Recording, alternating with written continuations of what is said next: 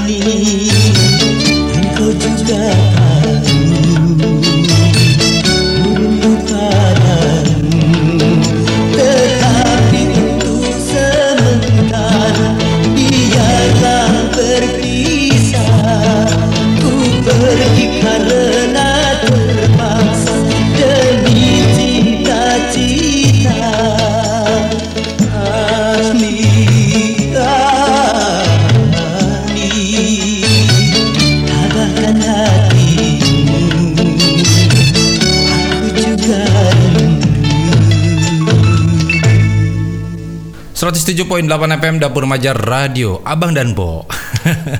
Kembali lagi di acara Ngopi Ngobrol kita pagi hari ini. Spesial banget nih Abang dan Bo. Dika menemani Abang dan Bo semuanya Hingga pukul 11 siang nanti. Mudah-mudahan di kesempatan hari ini Ya Abang dan Bo masih tetap semangat sehat dan tetap menjaga protokol kesehatan. Dan hari ini kita menjalankan ibadah puasa yang terakhir Abang dan Po sedih rasanya kita ditinggalkan oleh bulan suci Ramadan. Perlu diketahui nih Abang dan Po Kementerian Agama menetapkan satu Sawal atau Hari Raya Idul Fitri 1442 Hijriah jatuh pada hari Kamis 13 Mei 2021. Keputusan ini diambil setelah pemerintah menggelar sidang isbat Kementerian Agama melakukan Rukiyatul Hilal pada 88 titik di seluruh Indonesia. Alhamdulillah Abang dan Bo, hari Kamis kita sudah berlebaran. Binal aidin wal faizin, mohon maaf lahir dan batin. Dan pastinya Bang dan Po saya akan membacakan sebuah artikel yang berjudul Masyarakat Papua Menikmati Pembangunan Infrastruktur. Artikel ini ditulis oleh Rebecca Marian. Papua berubah drastis dari daerah yang berisi hutan melulu menjadi wilayah yang super modern. Kemajuan di bumi cenderawasih terjadi karena pembangunan infrastruktur yang diperbanyak di era pemerintah Presiden Jokowi. Masyarakat juga senang karena mereka lah yang menikmati manfaat dari infrastruktur tersebut. Apa yang Anda pikirkan tentang Papua? Wilayah ini identik dengan tempat yang terpencil, dengan masyarakatnya yang masih mengelola sagu dan ubi dengan cara tradisional. Image Papua sebenarnya kurang baik, karena yang dibayangkan banyak orang hanya hutan belantara, pegunungan, dan masyarakatnya masih memakai koteka. Padahal sebenarnya mereka salah besar. Papua sudah berubah menjadi wilayah modern dan setara dengan kota-kota besar lain di Indonesia. Bahkan di Mimika, keadaannya diklaim mirip dengan San Francisco. Saking majunya Abang Danpo. Modernitas Papua adalah hasil kerja keras pemerintah di bawah komando Presiden Jokowi yang menginginkan kesetaraan antara Indonesia Barat dan Timur.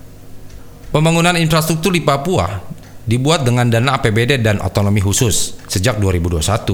Otsus memang dibuat khusus bagi masyarakat Papua agar mereka makin maju. Bahkan sekarang sudah ada bukti nyatanya, yakni jembatan Yutefa, Bandara Internasional Sentani, Jalan Trans Papua, Gor Lukas NMB, dan lain-lain.